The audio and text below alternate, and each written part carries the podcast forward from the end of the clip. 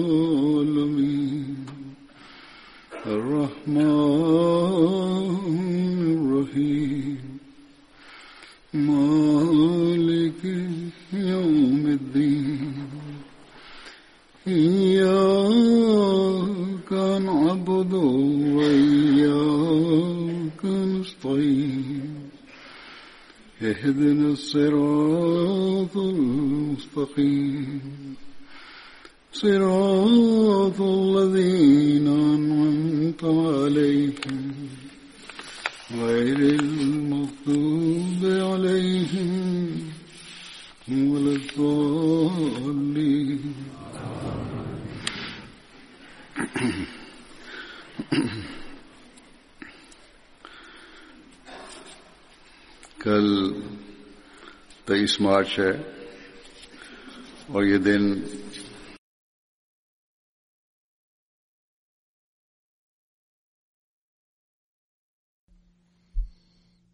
يوم الغد هو الثالث والعشرين من مارس.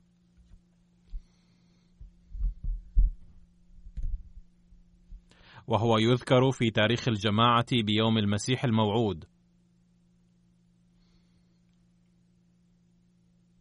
إذ أعلن في هذا التاريخ عن بعثته ذلك المسيح والمهدي الذي كان مقدرا أن يبعث وينشر في العالم التعاليم الحقيقية للإسلام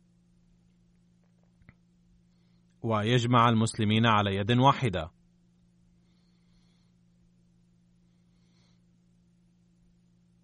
بل كان مقدرا أن يجمع أتباع جميع الأديان تحت راية النبي صلى الله عليه وسلم. أي أعلن ميرزا غلام أحمد القادياني عليه السلام أنه ذلك المسيح الموعود والمهدي المعهود الذي أنبأ به النبي صلى الله عليه وسلم. وهكذا بدأ في أخذ البيعة في هذا اليوم.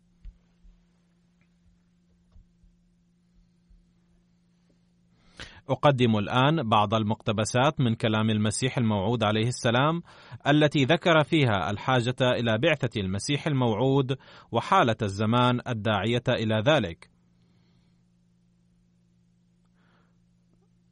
ثم ذكر تفصيلا عن دعواه كما ذكر بعض الآيات المتعلقة بها. يقول حضرته عليه السلام في بيت من الشعر ما معناه كان الوقت وقت بعثة المسيح الموعود لا غيره.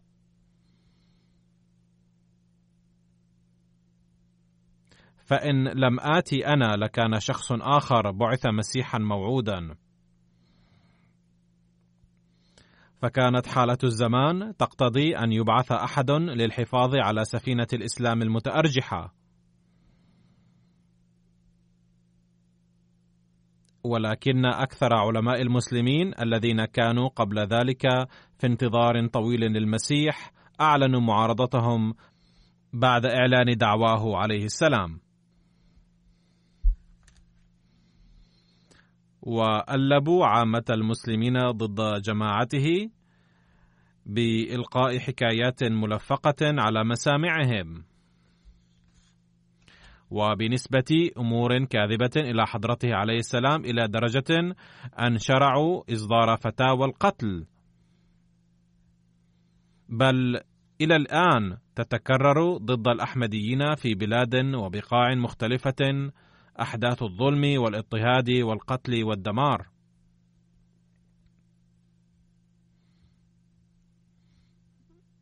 والعجيب أن كل ذلك يتم باسم الإسلام. وهو أمر لا يمكن أن يفكر فيه من يعرف حقيقة الإسلام. ولا يمكن أن تصدر منه مثل هذه الأعمال.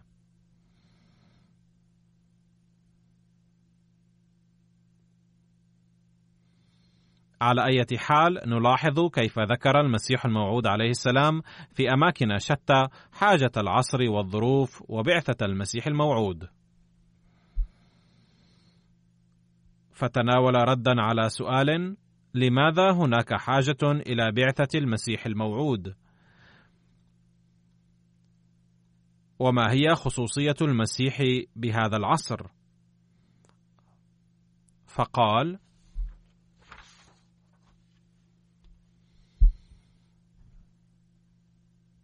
لقد أشار القرآن الكريم إشارة واضحة إلى وجود المماثلة بين خلافة السلسلتين الإسرائيلية والإسماعيلية.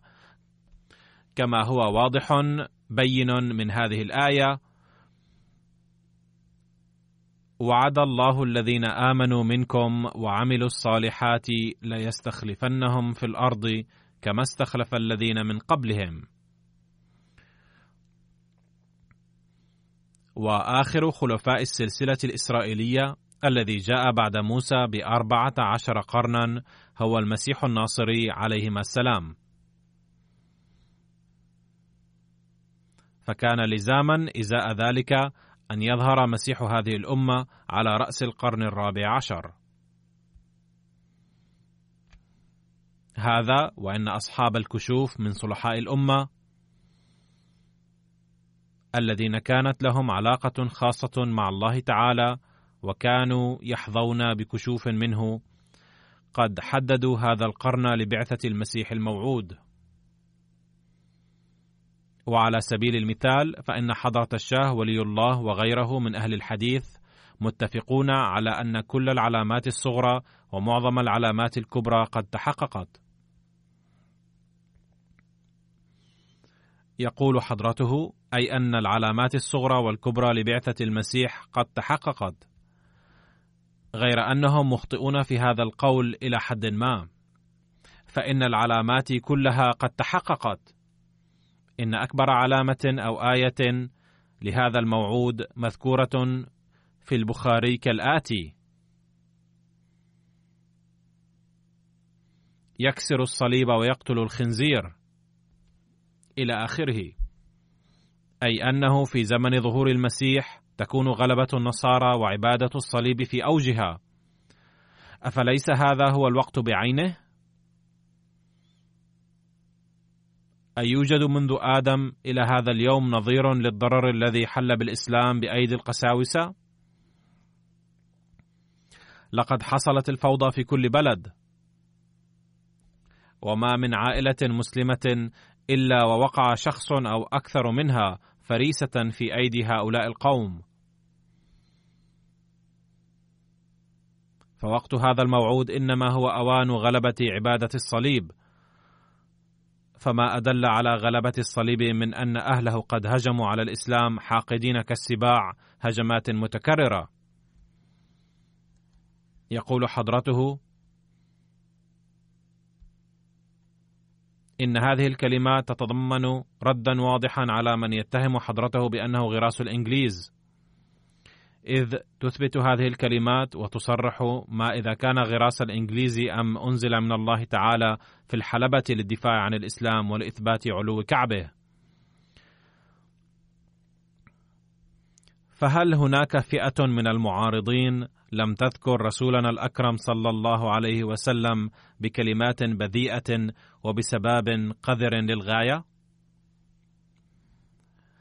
فإذا لم يكن هذا هو وقت هذا الموعود فهو إن أتى عاجلا فإنما يأتي بعد قرن من الزمان لأنه مجدد العصر وزمن بعثته هو رأس القرن.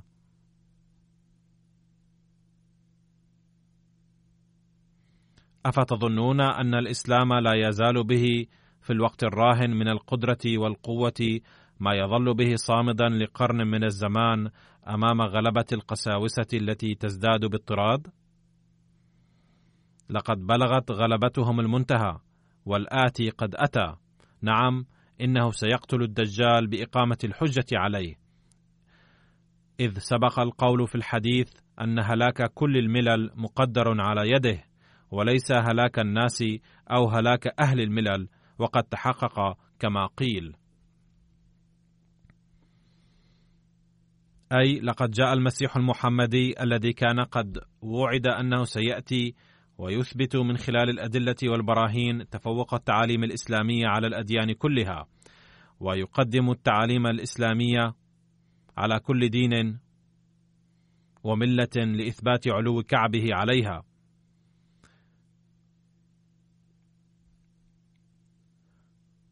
وإن الوفا من غير المسلمين الذين يدخلون في الجماعة الإسلامية الأحمدية سنويا إنما يقتنعون بالأدلة والبراهين التي قدمها سيدنا المسيح الموعود عليه السلام.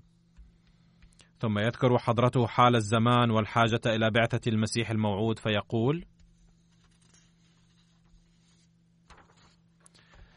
إذا لم تكن الأرض صالحة فلا ينفعها المطر شيئا بل يضرها.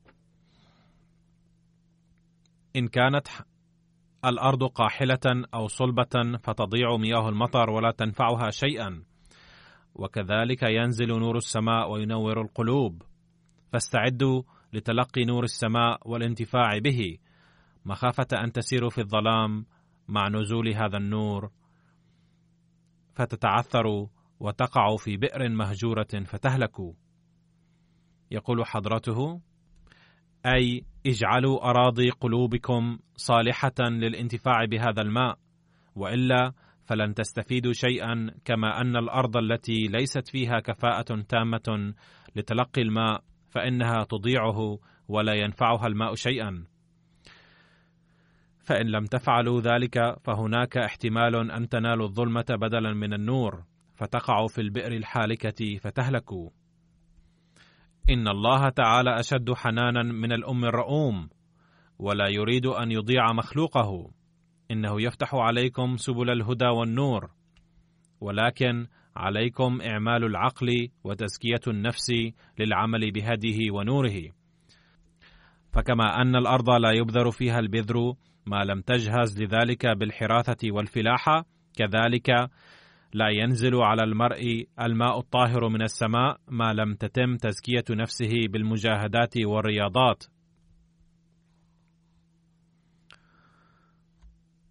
لقد من الله في هذا العصر منة عظيمة إذ بعث إنسانا وهو الذي يتحدث بين ظهرانيكم لتأييد دينه وغيرة على دينه ونبيه صلى الله عليه وسلم لكي يهدي الناس إلى هذا النور.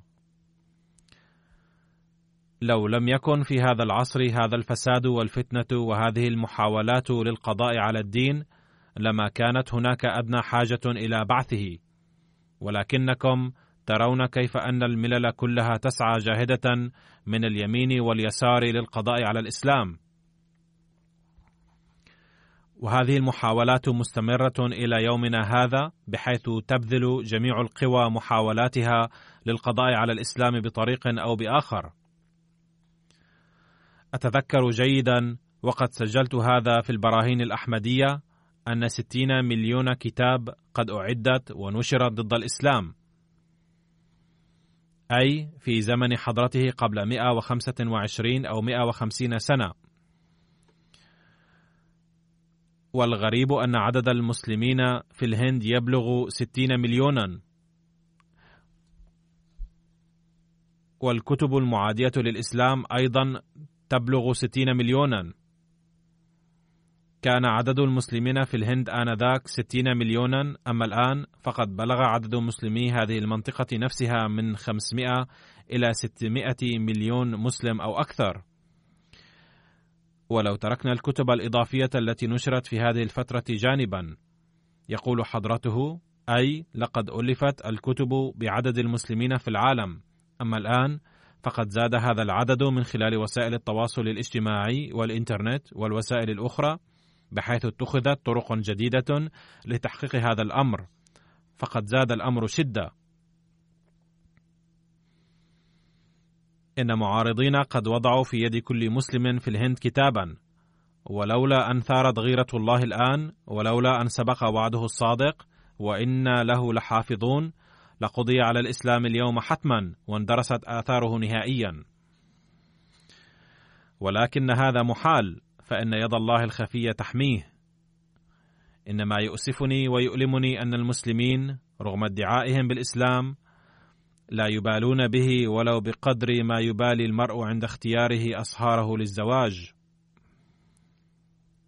لقد اتفق أن قرأت مرارا أن بعض المسيحيات يوصين عند وفاتهن بإنفاق الملايين من أموالهن في سبيل نشر دينهن وإشاعته. كان في ذلك الوقت ميل لدى النساء المسيحيات إلى تقديم المساعدة من أجل الدين.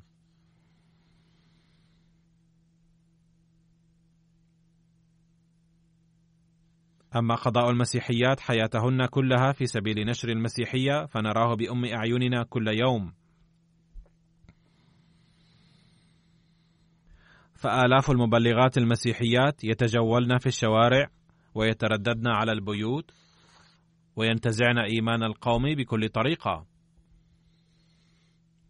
ولم نرى أحدا من المسلمين يوصي قبيل موته بخمسين روبية للإنفاق في سبيل نشر الإسلام. يهدرون الأموال في الأعراس وغيرها من التقاليد الفارغة بلا هوادة. ومثل هذا الإسراف مستمر إلى يومنا هذا. وما ينفقونه لخدمة الإسلام من نزر يسير فلا مقارنة بينه وبين ما ينفقونه مسرفين على التقاليد والرسوم. وينفقونها مبذرين ولو اضطروا إلى استدانتها. وإذ لم ينفقوها ففي سبيل الإسلام فقط ولا يمتنعون عن الإنفاق إلا في سبيل الإسلام. فوا اسفاه فما أدعى حالكم للرثاء والرحمة. هذه هي حال معظم المسلمين اليوم. لا شك أن هناك تحسنا في بعض الأماكن إلا أن ما ينفقونه للدين في تلك الأماكن أيضا هو عشر معشار ما ينفقونه لتحقيق رغباتهم الدنيوية. كانت هذه هي ظروف ذلك الزمن الذي أعلن فيه المسيح الموعود عليه السلام عن دعواه. ولكن الآن إن انتبه بعض المسلمين إلى الدين فهو فقط إلى حد شعورهم بضرورة التشبث بالإسلام. أي طرأ التحسن بأن الكثيرين من المسلمين يريدون أن يكونوا ثابتين على الإسلام. وقد عمروا مساجدهم أيضا إلى حد ما. إلا أنهم لم يبذلوا جهودهم من أجل نشر تعاليم الإسلام. إن كانت هناك محاولات مزعومة منهم فهي من أجل التشدد الديني ونشر الإسلام بالقوة والإكراه. وهكذا تكونت أحزاب شتى كما أن محاولاتهم تصب في معارضة المسيح الموعود وجماعته. فيجب أن يتذكروا أنه إذا انتشر الإسلام الآن فسينتشر من خلال مبعوث الله تعالى هذا وهذا هو قدر الله عز وجل. لقد أخبرنا الله تعالى ورسوله عن بعض العلامات لبعثة المسيح الموعود الآتي فإنه لن يعلن عن دعواه بدون تحقق تلك العلامات. يذكر حضرته عليه السلام هذا الأمر فيقول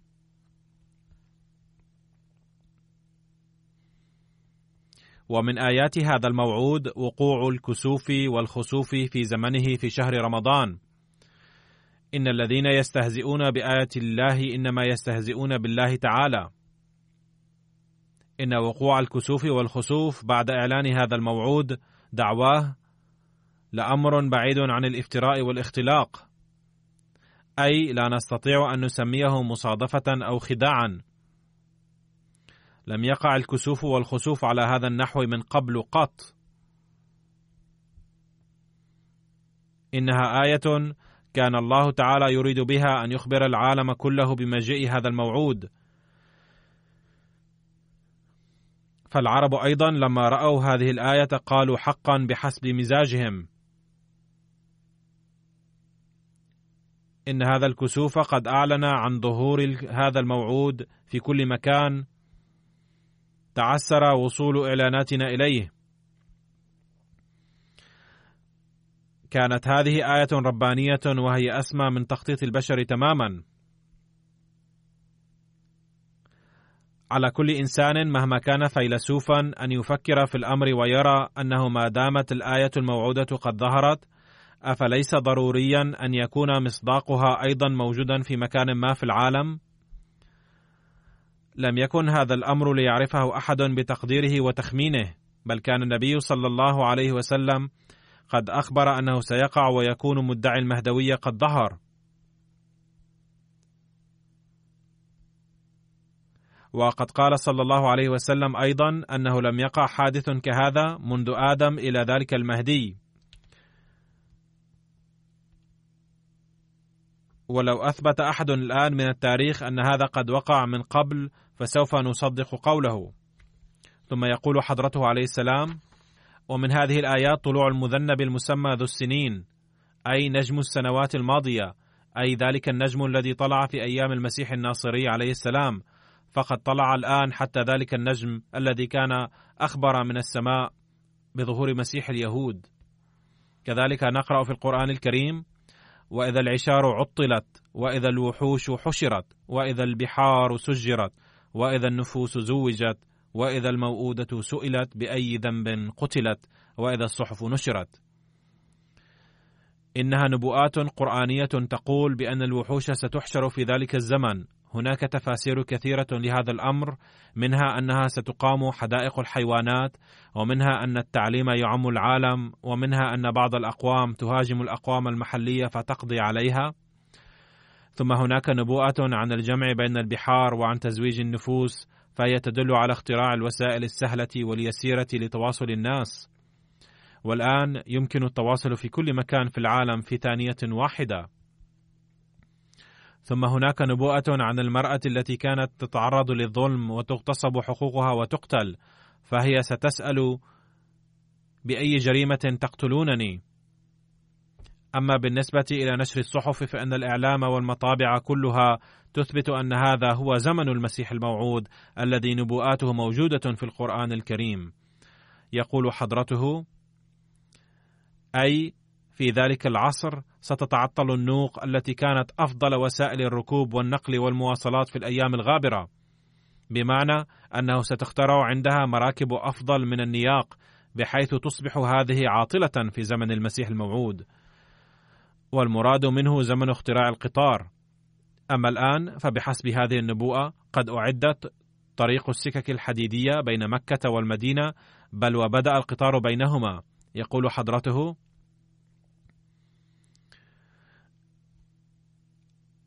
أما الذين يظنون أن هذه الآيات تتعلق بالقيامة فإنهم لا يفكرون كيف تظل النوق حبلى يوم القيامة. ذلك أن العشارة تعني النوق الحبلى. ثم ورد في هذه الآيات أن القنوات تفجر في كل طرف وصوب والكتب تشاع بكثرة فكل هذه الآيات تتعلق بهذا العصر. ثم يقدم حضرته عليه السلام دليلا على مكان بعثة المسيح الموعود فيقول: أما مكان ظهور المسيح الموعود فاعلموا أنه قد ذكر أن خروج الدجال يكون في الشرق والمراد منه بلادنا. فقد كتب صاحب حجج الكرامة أن فتن الدجال تظهر في الهند وعليه فواضح أن المسيح سيظهر حيث يظهر الدجال. ثم ذكر أن المسيح سيظهر من قرية تسمى كدعة وهو اختزال لقاديان. قد يكون في اليمن قرية تسمى بهذا الاسم ولكن يجب أن لا يغيب عن البال. أن اليمن يقع في جنوب الحجاز لا في شرقها. يقول حضرته بالإضافة إلى ذلك فإن الاسم الذي أطلقه علي قضاء الله وقدره يتضمن إشارة لطيفة إلى هذا الأمر ذلك أن القيمة العددية لألفاظ غلام أحمد قادياني هي 1300 بالضبط وفقا لحساب الجمل وفيه إشارة إلى أن إماما بهذا الاسم سيقام في بداية القرن الرابع عشر. باختصار فإن النبي صلى الله عليه وسلم قد أشار إلى هذا الأمر نفسه. ثم يذكر حضرته الآيات والعلامات الأخرى فيقول: ومن هذه العلامات الكوارث أي ستحدث الآفات والحوادث لقد نزلت الكوارث السماوية على شاكلة القحط والطاعون والكوليرا. إن الطاعون عذاب خطير بحيث قد أصاب الدولة أيضا بزلزال. ولقد استمر في ذلك الزمن مدة خمسة أو ستة أعوام وأحدث دمارا رهيبا. يقول حضرته ولو اشتدت وطأته فإنه يكتسح البلاد كلها.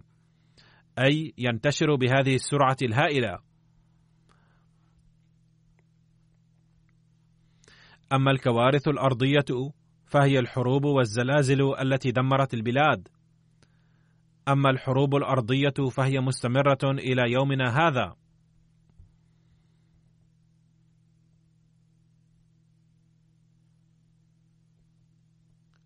كان لزاما على المأمور الرباني أن يري الآيات السماوية دليلا على صدقه. ألا تكفي آية هلاك الإخرام الهندوسي دليلا على صدقي فقد كان هناك شرط ظل يطيل هذا الصراع إلى خمس سنوات. ودار الجدال كالقتال بين الطرفين بدون انقطاع. ونشر الفريقان الإعلانات.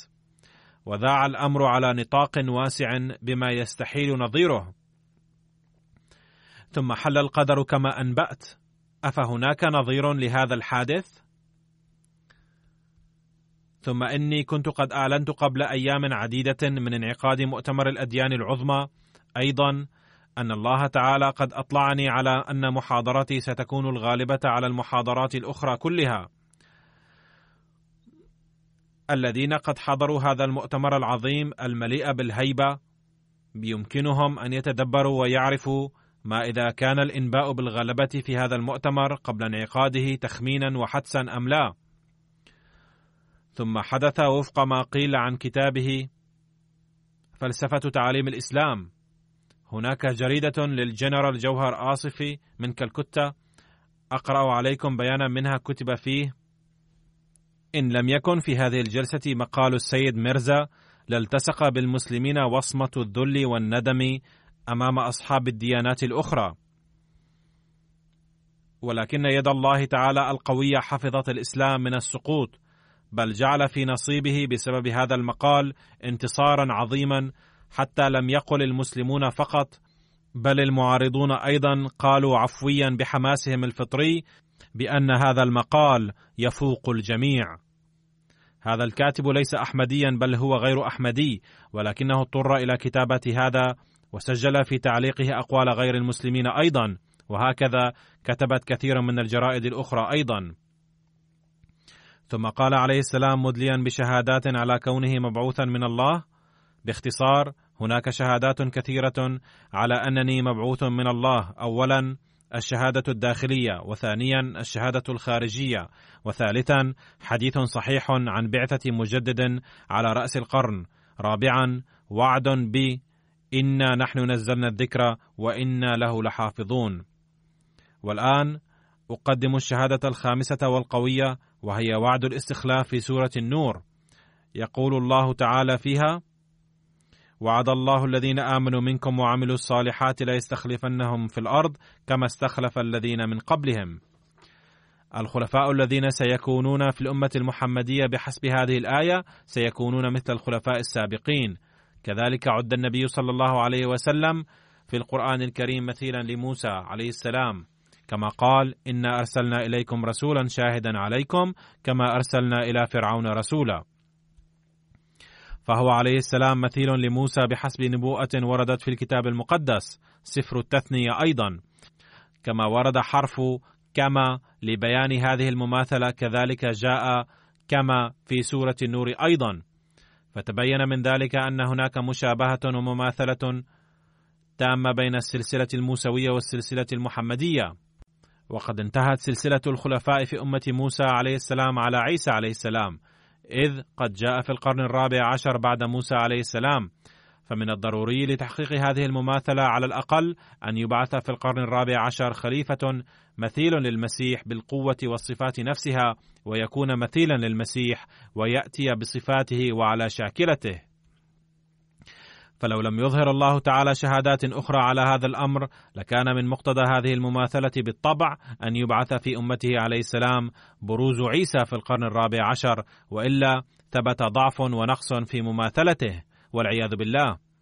ولكن الله تعالى لم يصدق فقط تلك المماثلة وأيدها بل أثبت أيضا أن مثيل موسى أي النبي محمد صلى الله عليه وسلم أفضل منه ومن جميع الأنبياء عليه السلام. كما لم يأتي المسيح الناصري عليه السلام بشريعة خاصة به بل جاء ليتمم التوراة كذلك لم يأتي المسيح في الأمة المحمدية أيضا بشريعة خاصة به بل جاء لإحياء القرآن الكريم وللإكمال الذي هو إكمال نشر الهداية أي جاء لنشر تعليم القرآن الكريم ولتكميل نشره. ثم قال عليه السلام مزيدا ليكن معلوما عن نشر الهداية أن إتمام النعمة وإكمال الدين على النبي صلى الله عليه وسلم كان من وجهين. اولا إكمال الهداية. وثانيا إكمال نشر الهداية. فقد أكملت الهداية من كل الوجوه ببعثته صلى الله عليه وسلم الأولى. أي ببعثة النبي صلى الله عليه وسلم وبنزول الشريعة. وأكمل نشر الهداية ببعثته الثانية لأن الآية وآخرين منهم في سورة الجمعة تشير إلى إعداد قوم آخرين ببركته صلى الله عليه وسلم وتعليمه. فيتبين منها بصراحة أن للنبي صلى الله عليه وسلم بعثة أخرى أي بصوره البروز وهي البعثة الحالية. فهذا العصر هو عصر إكمال نشر الهداية. لذلك تكتمل كافة وسائل النشر وأسبابه. إن كثرة المطابع وظهور أمور جديدة كل يوم تستخدم اليوم التكنولوجيا الحديثة في المطابع وإجراء مكاتب البريد ونظام البرقية والقطار والطائرات ونشر الجرائد قد جعلت العالم كله في حكم مدينة واحدة.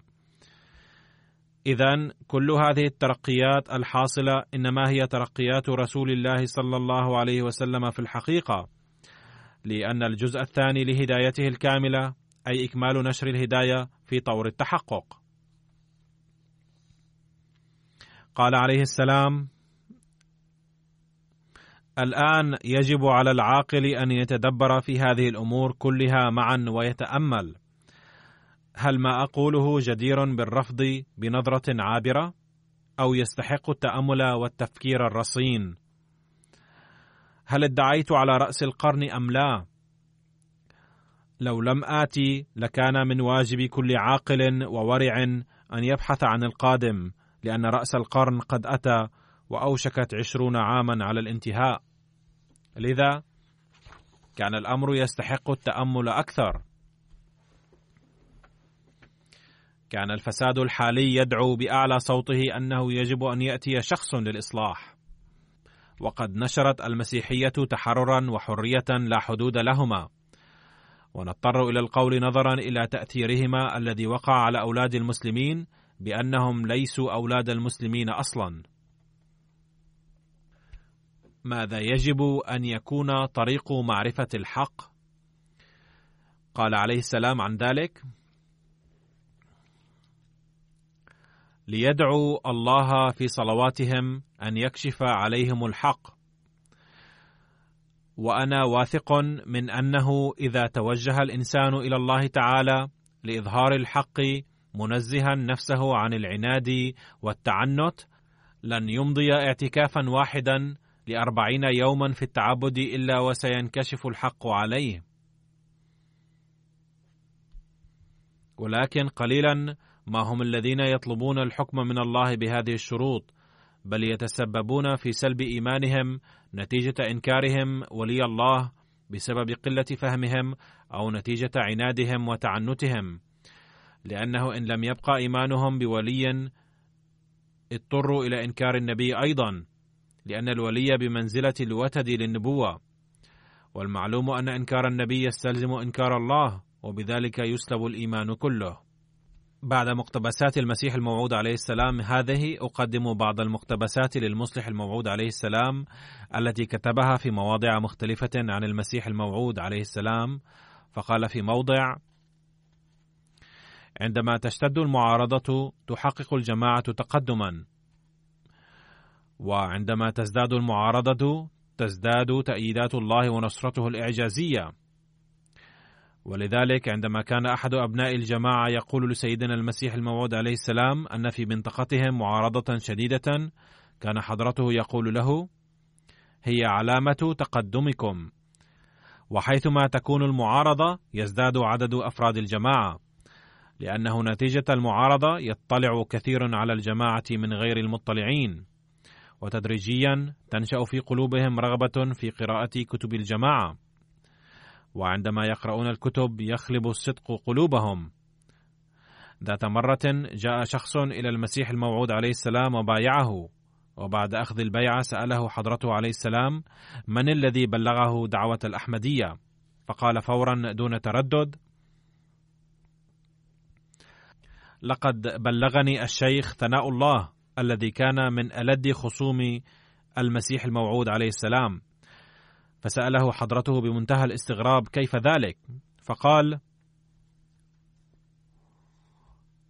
كنت أقرأ جريدة الشيخ وكتبه وألاحظ فيها دوما معارضة شديدة للجماعة الأحمدية. ذات يوم خطر ببالي أنه ينبغي أن أقرأ شخصيا أيضا كتب الجماعة وأطلع على ما ورد فيها.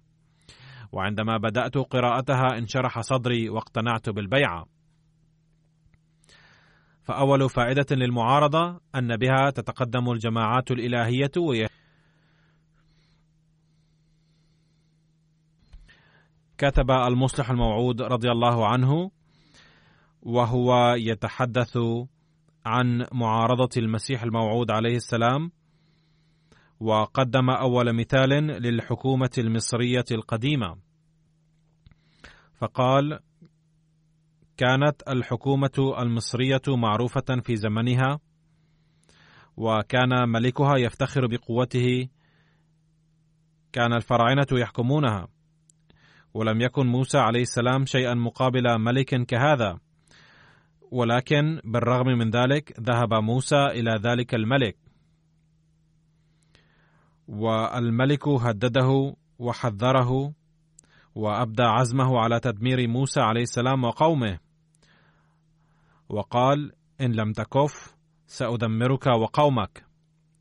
ولكن موسى عليه السلام لم يكف وقال سأبلغ الرسالة التي بعثني الله تعالى بها إلى الدنيا ولا يمكن لأية قوة أن تمنعني من ذلك. والحال نفسها كانت لعيسى عليه السلام ولمحمد صلى الله عليه وسلم وكذلك رأينا حال المسيح الموعود عليه السلام إذ كانت جميع الأمم معارضة له كانت الحكومة أيضا معارضة له وإن كانت معارضتها قد خفت في الزمن الأخير. باختصار كان الأقوام وأتباع الديانات كلها يعارضونه. وكذلك كان المشائخ وأصحاب الزوايا يخالفونه، وكان العوام والأمراء والخواص يعادونه. الحاصل أنه كان محاطا بطوفان المعارضة من كل جانب. نصحه الناس كثيرا وقال البعض بدافع الصداقة أن يخفف قليلا من دعاويه وقال البعض لو تركت كذا وكذا لانضم الجميع إلى جماعتك ولكنه عليه السلام لم يبالي بأي من هذه الأقوال وظل يقدم دعاويه باستمرار مما أثار الضجيج والضرب والقتل وهذا مستمر إلى اليوم. ولكن بالرغم من هذه المشاكل كان يواجه العالم الذي لم يكن حضرته عليه السلام يملك قوة لمواجهته قط من حيث الأسباب الظاهرية. ومع ذلك ظل يواجهه بل أتذكر جيدا وقد سمعت من المسيح الموعود عليه السلام عدة مرات أن مثل النبي كمثل امرأة مجنونة يقال عنها أنها كانت تسكن في قرية وهي وحين كانت تخرج من بيتها كان الأولاد الصغار يشاغبونها ويضحكون عليها ويزعجونها مرارا وتكرارا وكانت تواجههم بالسباب والدعاء عليهم. فذات يوم تشاور أهل القرية أن هذه المرأة مظلومة وأولادنا يزعجونها بغير حق. وهي تدعو عليهم مظلومة ونخشى أن تستجاب أدعيتها. فعلينا أن نمنع أولادنا من إزعاجها. فاتفقوا على أن يحبس الجميع أولادهم في البيوت ولا يدعوهم يخرجون. وفي اليوم التالي قال الجميع لأولادهم لن تخرجوا اليوم. ولمزيد من الحيطة أترسوا الأبواب من الخارج وأقفلوها. وحين أشرق النهار وخرجت المرأة من بيتها كالعادة تجولت هنا وهناك في الأزقة. ذهبت من زقاق إلى زقاق ولكنها لم تجد ولدا. وقبل ذلك كانت الحال أن ولدا يجر ذيل ثوبها والآخر يلدغها والبعض يدفعها والبعض يمسك بيدها والبعض يسخر منها. ولكن اليوم لا يرى أي من الأولاد. انتظرت حتى الظهر وحين رأت أنه لم يخرج أحد منهم ذهبت إلى المحلات وسألت الجميع هل سقط اليوم سقف بيتكم وهل مات جميع أولادكم؟ ما لي لا أراهم اليوم. وبعد قليل حين قالت مثل هذا الكلام في كل محل فكر الناس قائلين إنها تسبنا في كل حال فلماذا نحبس أولادنا؟ يجب أن نتركهم. قال المصلح الموعود رضي الله عنه بعد سرد هذه الحكاية إن حال الأنبياء أيضا يكون كحالها. تزعجهم الدنيا وتظلمهم بحيث يصعب عليهم قضاء الحياة.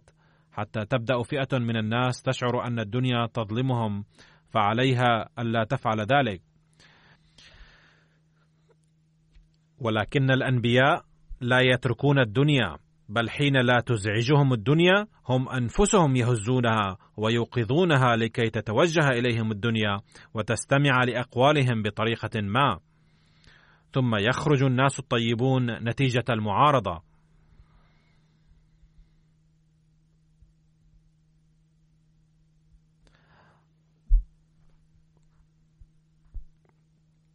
قال المصلح الموعود رضي الله عنه إن المولوي محمد حسين البطالوي الذي كان صديق المسيح الموعود عليه السلام منذ شبابه وكان على صلة معه وكان يمدح دوما مقالات حضرته حين أعلن حضرته دعواه قال أنا رفعت هذا الشخص والآن أنا الذي سأدمره. من كان يستطيع أن يتصور آنذاك أنه لن يدمر شخص قال عنه شخص كبير وذو نفوذ مثل المولوي محمد حسين البطالوي إنني سأدمره. كان البطالوي قويا بحيث كان يستطيع أن يحقق ما يقول. ثم أعلن أقرباء المسيح الموعود عليه السلام أيضا بل نشر بعضهم إعلانا في الجرائد أيضا أن هذا الشخص إنما بدأ بتجارة لذا لا ينبغي أن ينتبه له أحد. وهكذا أرادوا أن يجعلوا العالم كله يسيء به الظن. ثم قال المصلح الموعود رضي الله عنه أتذكر أنني كنت في سن الوعي حين أنكر العمال الذين يحسبون من فئة عرقية دنيا في إدارة الزراعة أن يقوموا بأعمال بيته والذين كانوا يعملون عند حضرته رفضوا العمل وكان من حرضهم أقرباؤنا هؤلاء باختصار أراد الأقرباء والأغيار كلاهما أن يمحوه ويدمروه تدميرا ولكن ماذا حدث؟ يذكر اسمه اليوم في 212 دولة. إن لم يكن هذا دليلا على صدقه فما هو إذن. ثم بين المصلح الموعود رضي الله عنه آية أخرى على صدقه فقال إن الله تعالى بعث فينا المسيح الموعود عليه السلام فكان واحدة من آيات مبينات لنا. فكل من جلس في صحبته تجلى عليه صدق القرآن الكريم وانكشف عليه صدق محمد رسول الله صلى الله عليه وسلم. ولم تستطع قوة إبعاده عن الإسلام. ذات مرة رفعت ضده عليه السلام قضية من قبل كرم الدين وكان القاضي هندوسيا. فقام الآري الهندوس بتحريضه على المسيح الموعود عليه السلام وألحوا عليه ألا يدعه عليه السلام ينفلت من يده بدون عقاب. فوعدهم بذلك وبلغ الخبر الخواجة كمال الدين. فخاف خوفا شديدا وجاء إلى المسيح الموعود عليه السلام في جورداسبور حيث كانت المحكمة. وكان حضرته مقيما هناك مضطرا. فقال الخواجة المحترم لحضرته عليه السلام سيدي هناك أمر مزعج جدا فإن الآريا الهندوس قد أخذوا من القاضي وعدا بأنه سيحكم عليكم بنوع من العقوبة في كل حال. وكان المسيح الموعود عليه السلام عندها مستلقيا. فهب من فوره وقال للخواجة المحترم من ذا الذي يستطيع أن يشتبك مع أسد الله؟ إنني أسد الله فسأرى كيف يشتبك هذا الهندوسي معي.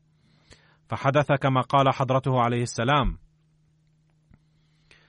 لقد رفعت هذه القضية أمام قاضيين مختلفين في محكمتين مختلفتين وكلاهما قد نزل عليه نكال شديد من الله تعالى فأحدهما طرد من وظيفته وأما الآخر فمات ابنه غرقا في النهر فصار شبه مجنون حزنا عليه. قال المصلح الموعود رضي الله عنه وذات مرة رآني في محطة القطار بمدينة لودهيانا خلال سفري إلى دلهي فجاءني وقال لي بإلحاح شديد وألم شديد أرجوك أن تدعو لي بأن يعطيني الله الصبر فقد ارتكبت أخطاء كبيرة وأخاف أن أصبح مجنونا وقال أيضا لقد توفي لي ولد وبقي ولد آخر. فادعوا الله تعالى أن ينجيني وإياه من المزيد من الدمار. وهذه كانت نتيجة ما فعلوه مع المسيح الموعود عليه السلام. قال المصلح الموعود رضي الله عنه اذا فقد تحقق بكل جلاء قول المسيح الموعود عليه السلام من ذا الذي يستطيع أن يشتبك مع أسد الله؟ وفشل الاريا الهندوس فشلا ذريعا. ثم يقول المصلح الموعود رضي الله عنه هناك حادث ممتع من زمن المسيح الموعود عليه السلام وهو أنه كان لحضرته عليه السلام صديق كان في الوقت نفسه صديقا للشيخ محمد حسين البطالوي أيضا واسمه نظام الدين. كان قد حج سبع مرات وكان مرحا ولطيف الطبع. لما كان على صداقة بالمسيح الموعود عليه السلام والشيخ محمد حسين البطالوي كليهما فقد تألم كثيرا من إصدار الشيخ محمد حسين البطالوي الفتوى بكفر المسيح الموعود عليه السلام إثر إعلانه أنه مبعوث من الله وذلك لأنه كان واثقا جدا من صلاح حضرته عليه السلام. كان يقيم في لودهيانا وعندما كان الخصوم يتكلمون ضد المسيح الموعود عليه السلام كان يخاصمهم ويقول لهم يجب أن تذهبوا اولا إلى حضرته لتنظروا إليه فهو رجل صالح جدا. وأنني أقول ذلك بناء على عشرتي معه ومعرفتي أنه حين يشرح له أمر من القرآن الكريم يقبله فورا ولا يخادع ابدا. إذا شرح له من القرآن الكريم أن دعواه خاطئة فانا واثق من أنه سيقبل فورا. فكان يجادل الناس كثيرا على هذا الأمر ويقول عندما أذهب إلى قاديان سأرى كيف لا يتخلى المرزا عن دعواه. ويقول سوف أضع أمامه القرآن الكريم وعندما أقدم له آية تثبت صعود عيسى عليه السلام إلى السماء حيا سيقبل فورا. فأنا أعلم جيدا أنه لا يقول شيئا بعد الاستماع للقرآن الكريم. ثم ذات يوم وصل ميان نظام الدين من لدهيان إلى قاديان وفور وصوله إلى حضرته عليه السلام. سأله هل قد تركت الإسلام وأنكرت القرآن الكريم؟ فقال له المسيح الموعود عليه السلام كيف يمكن لي ذلك؟ فأنا أؤمن بالقرآن الكريم والإسلام هو ديني. فقال الحمد لله. فهذا ما أقول للناس إذ ليس في وسعك ترك القرآن الكريم. ثم قال إذا قدمت لك مئات الآيات من القرآن الكريم التي تثبت أن عيسى عليه السلام صعد إلى السماء حيا فهل سوف تقبل ذلك؟ فقال المسيح الموعود عليه السلام لا أطلب منك مئات الآيات وإنما تكفيني آية واحدة من القرآن الكريم تثبت ذلك فسوف أقبل. فقال الحمد لله هذا ما كنت أناقش الناس بصدده من أن إقناع المرزا ليس صعبا وأن الناس عبثا يثيرون شغبا. ثم قال إذا قدمت لك مئة آية تثبت حياة المسيح فهل سوف تقبل؟ فقال حضرته قد قلت لك سلفا إني سوف أقبل حتى لو قدمت لي آية واحدة فقط على هذا الموضوع فكما أن العمل بمئة آية من القرآن الكريم ضروري فكذلك يجب العمل بكل كلمة منه وليست قضية مئة آية أو واحدة فقال لحضرته إذا قدمت لك خمسين آية بهذا الصدد فهل تعدني بأنك ستتخلى عن دعواك؟ فقال له سيدنا المسيح الموعود عليه السلام قد قلت لك إني مستعد لقبول آية واحدة فقط.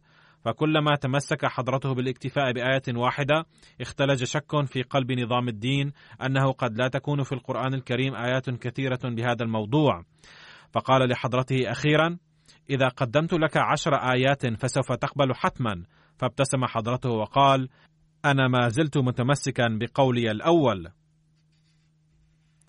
فأرجو أن تقدم لي آية واحدة فقط عندها قال لحضرته عليه السلام الآن أود أن أنطلق فسأعود إليك بعد بضعة أيام لأقدم لك الآيات من القرآن الكريم. في تلك الأيام كان الشيخ محمد حسين البطالوي يقيم في لاهور، وكان الخليفة الأول أيضا يقيم هناك، حيث كان المزمع انعقاد المناظرة بين الشيخ والمسيح الموعود عليه السلام. وكان الخليفة الأول هناك لكتابة الشروط، وكانت بينهما مراسلة، وكان موضوع المناظرة وفاة المسيح.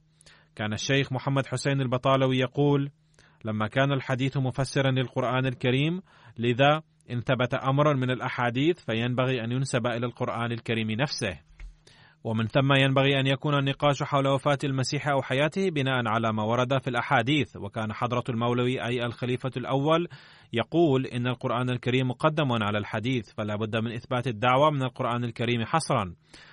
فدام النقاش على هذا الأمر أياما عدة لكن لإنهاء النقاش والتوصل إلى القرار بعقد المناظرة بين سيدنا المسيح الموعود عليه السلام والشيخ البطالوي سلم حضرته بكثير مما قال الشيخ. وكان الشيخ مسرورا جدا من أن حضرته يقبل الشروط التي يريدها. وأثناء ذلك وصل إلى الشيخ البطالوي ميان نظام الدين وقال له أنهوا النقاشات كلها فإني آت من عند المرزا فهو مستعد للتوبة تماما. بما أنني صديقك أنت وفي الوقت نفسه أصادق المرزا أيضا فأنا أتألم من هذا الاختلاف. وأنا أعرف أيضا أن في طبع المرزا المحترم برا وصلاحا فقد ذهبت إليه وأخذت منه عهدا بأني إذا قدمت له عشر آيات من القرآن الكريم على حياة المسيح فسوف يؤمن بأن عيسى عليه السلام حي. أرجو أن تخرج لي عشر آيات في هذا الموضوع.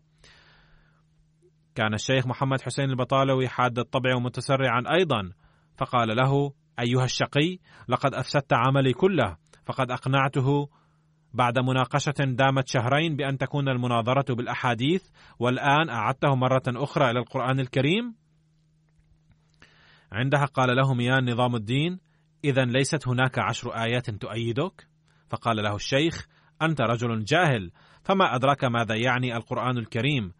فقال له إذا أنا مع من معه القرآن الكريم؟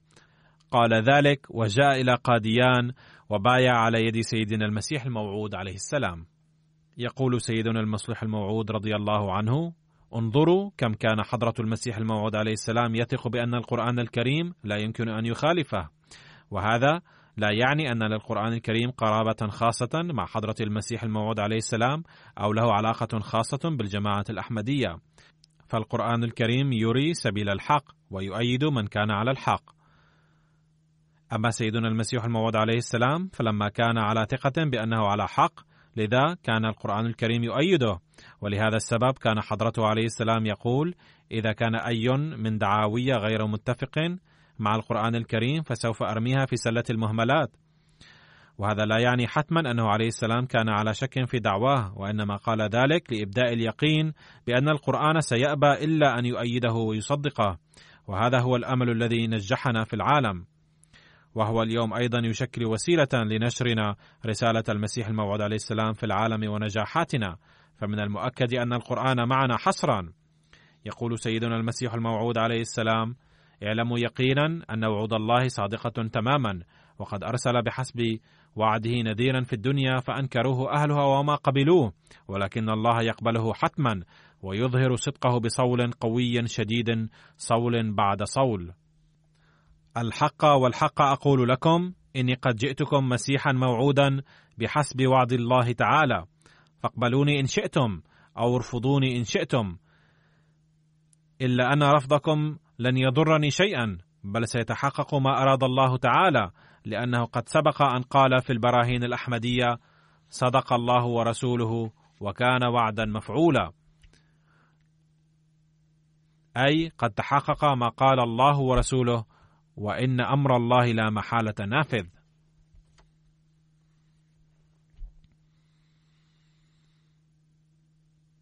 الآن أود أن أقول شيئا حول ما حدث في نيوزيلندا في يوم الجمعة الماضية. وكنت أنوي ذلك في الجمعة الماضية لكنني نسيت. على كل حال بعد ذلك قد أمرت بنشر بيان صحفي من قبل الجماعة الأحمدية لاستنكار هذا الحدث البشع. حيث كثير من الأبرياء والأولاد كانوا ضحية للعداء الديني والعنصرية واستشهدوا. تغمدهم الله بواسع رحمته وألهم ذويهم الصبر. بعد ذلك ظهرت بعض الأمور. ومن ثم كان عدم ذكر ذلك مفيدا من ناحية. فالأخلاق السامية جدا التي أبدتها الحكومة النيوزيلندية وخاصة رئيسة الوزراء التي أدت حق تأدية الواجبات فهي عديمة المثال. وليت الحكومات الإسلامية أيضا تتعلم منها الدرس وتؤدي دورا في القضاء على العداء الديني. والشعب هناك أيضا أيد الحكومة وأعلنت الإذاعة والتلفزة أنها ستنشر الأذان يوم الجمعة لإظهار المؤاساة مع المسلمين.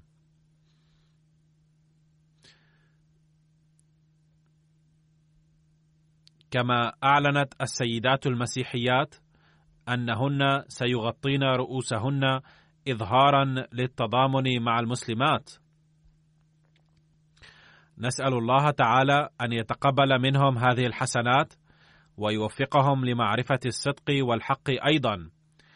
فالذين استشهدوا في المسجد قد جادوا بحياتهم لهدف نبيل واحرازا للحسنة حيث قتلوا خلال مساعدتهم للآخرين. رحمهم الله تعالى.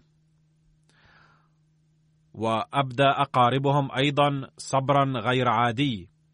فقد نشرت مقابلة لسيدة قد استشهد زوجها وابنها البالغ من العمر 21 سنة وأبدت صبرا غير عادي. باختصار كان الحدث بشعا ومؤسفا جدا وأظهر المسلمون هناك صبرا عظيما. وهذا ما يتوقع من مسلم.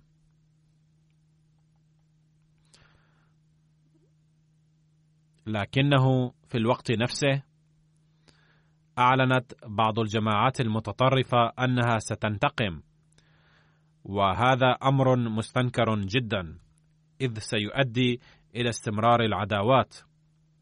نسأل الله تعالى أن تنقرض الجماعات المتطرفة في المسلمين وينتشر في العالم التعليم الحقيقي الجميل للإسلام.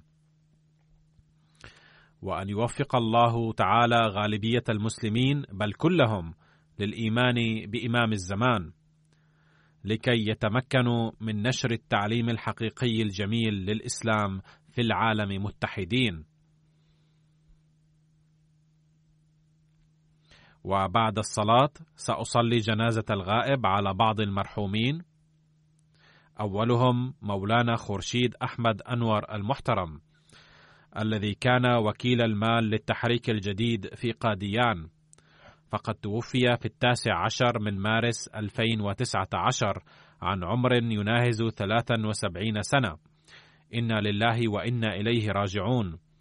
كان بفضل الله منخرطا في نظام الوصية وكان منذ مدة طويلة مريضا بالسرطان وقاوم المرض بكل صبر وهمة فرغم المرض الشديد والضعف لم يقصر قط في تأدية واجباته.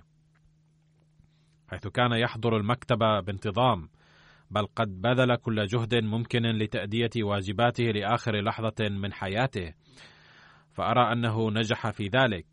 كان المرحوم ابن السيد عبد العظيم المحترم. الذي كان من دراويش قاديان ورئيس بيغم المحترم. كان والد المرحوم من قرية بندي بهتيان وكان أول من بايع في عائلته. بعد البيعة ضربه والده كثيرا واضطهده فهاجر إلى قاديان واستقر هناك. لقد قضى المرحوم أيام الطفولة في قاديان بصحبة الصحابة الأجلة والدراويش. حصل على الشهادة الثانوية من مدرسة تعليم الإسلام بقاديان.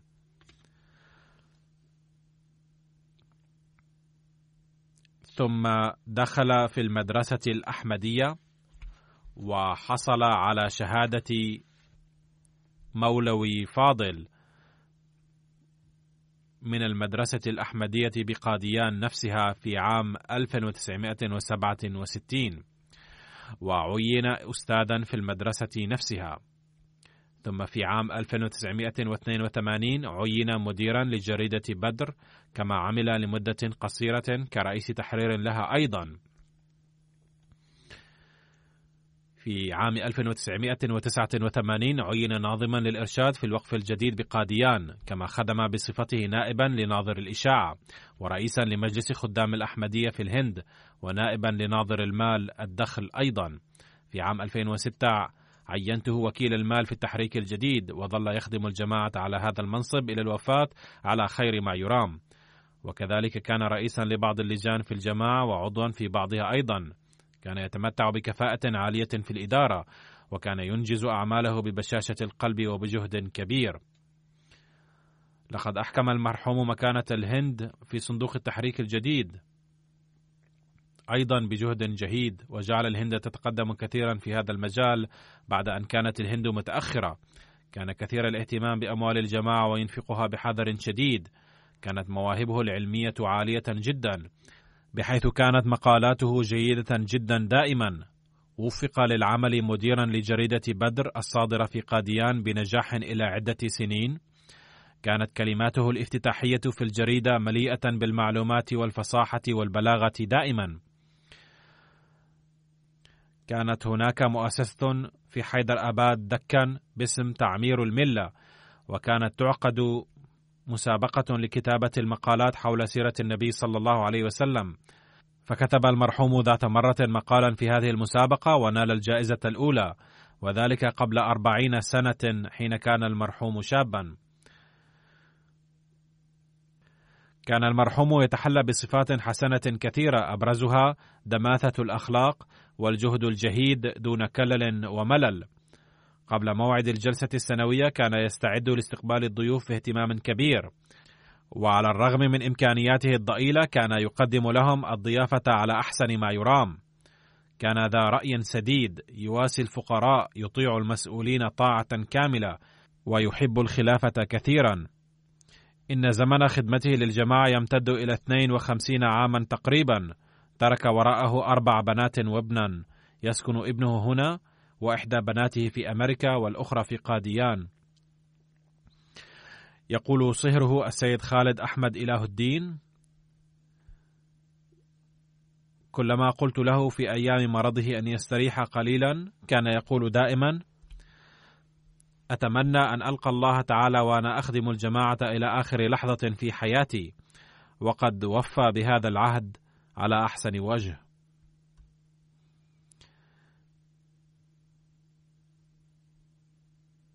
يقول نائب رئيس مجلس التحريك الجديد.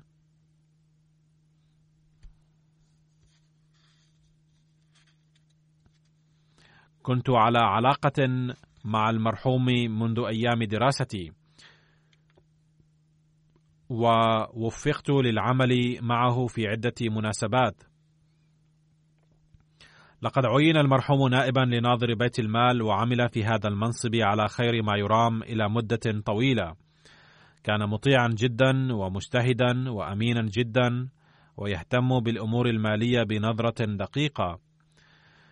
عندما عين مسؤولا عن ميزانية صندوق التحريك الجديد كوكيل للمال كانت ميزانية هذا الصندوق بضع مئات الآلاف ولكن نتيجة جهده واهتمامه بلغت هذه الميزانية إلى الملايين. ندعو الله تعالى أن يرفع درجاته ويوفق أولاده للاستمرار في حسناته. الجنازة الثانية هي للسيد طاهر حسين منشي نائب أمير الجماعة في فيجي الذي توفي بتاريخ الخامس من مارس 2019 عن عمر يناهز 72 عاما. إنا لله وإنا إليه راجعون. لقد خدم المرحوم جماعة فيجي لمدة طويلة ووفق للخدمة كنائب أمير الجماعة إلى فترة طويلة. كان كثير الدعاء ومخلصا وإنسانا صالحا وورعا ومشتركا في نظام الوصية بفضل الله تعالى. وقد دفع في حياته تبرع الوصية المترتبة على عقاراته. ترك وراءه ابنا وابنة ولكنهما ليسا أحمديين. لقد كسب المرحوم صيتا حسنا في مجال التعليم في بلده فيجي فقد عمل عميدا في كلية. مسؤول التعليم الإضافي في وزارة التعليم ثم نال الترقية وأصبح نائب مدير التعليم وتقاعد من هذا المنصب في عام 1999 غير أن الحكومة وظفته مرة أخرى بعد تقاعده وعينته عضوا في لجنة المحاسبة العامة وعمل بهذا المنصب إلى فترة حتى تركه نتيجة المرض. يقول السيد حامد حسين رئيس الجماعة في ناصر بانجا في ذكر قبوله للأحمدية لقد عين المرحوم في أول وظيفة في عام 1968 في المدرسة الابتدائية في نصر بانجا. حين كنت أنا سكرتيرا للمدرسة فنشأت بيننا أواصر الصداقة وكنا نقضي معظم الوقت معا. كان المرحوم يعارض الجماعة ومع ذلك كان يسمع مني ويناقشني. كان من حيث الخلفية من أهل السنة فكان يدعو المشايخ من فرقته للنقاش ولكنهم كانوا يرفضون ذلك وهذا الأمر كان يحزن المرحوم كثيرا. وبعد فترة وجيزة وفقه الله تعالى لمعرفة إمام الوقت بفضله ورحمته. ذات مرة سافر المرحوم إلى قاديان وقال لي عند العودة منها لقد دعوت لك كثيرا في بيت الدعاء لأن الله تعالى وفقني للوصول إلى هذا المقام بسببك أنت أي وفق لقبول الأحمدية. لذا دعا له كثيرا في بيت الدعاء لأنه كانت له منة كبيرة عليه. إنه من شأن الأحمدي فقط أن يدعو على هذا النحو لمن أحسن إليه. يتابع الراوي قائلا لقد عينه الخليفة الرابع في عهده نائب أمير الجماعة في فيجي. يقول داعيتنا السيد نعيم إقبال كان المرحوم مخلصا جدا وكانت علاقته مع الخليفة تتسم بالوفاء والإخلاص الكبيرين. وكان يحض الآخرين أيضا على احترام الخليفة وطاعته. وكان دائما يضرب مثلا أعلى في الأخلاق الفاضلة في تصرفاته. وإذا اختلف في أمر ثم علم بعد ذلك برأي الخليفة تخلى عن رأيه فورا. الجنازة الثالثة هي لسيد موسى سيسكو من مالي. الذي توفي في الخامس عشر من فبراير 2019 إنا لله وإنا إليه راجعون. كان لواء في الجيش. تعرف إلى الجماعة الإسلامية الأحمدية بواسطة مجلة ثم بقي على تواصل مع داعيتنا في منطقة ويسكاسو ووفق لقبول الأحمدية في العام 2012 وفي عام 2013 بدأت إذاعة الجماعة في مدينة ويسكاسو وعين المرحوم مديرا لها. وفي العام نفسه عين رئيس الجماعة المحلية.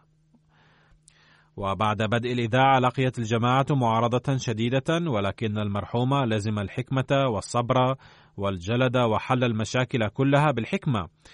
وتواصل مع الجهات المعنية وعرف إليهم الجماعة.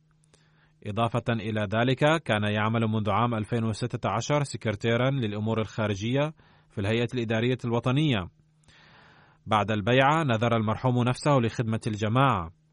كان ملتزما بصلاة التهجد إلى جانب الصلاة جماعة. كان إنسانا مخلصا ووفيا جدا ويحب الخلافة بشكل خارق للعادة وكان سباقا دائما في تلبية دعوة الخليفة دائما. ترك وراءه أرملتين وعشرة أبناء وخمس بنات. ندعو الله تعالى أن يرفع درجات جميع المرحومين ويوفق أولادهم للسلوك على دروب التقوى والحسنات ويوفق أولاد المرحوم طاهر حسين منشي غير الأحمدي لمعرفة إمام الزمان.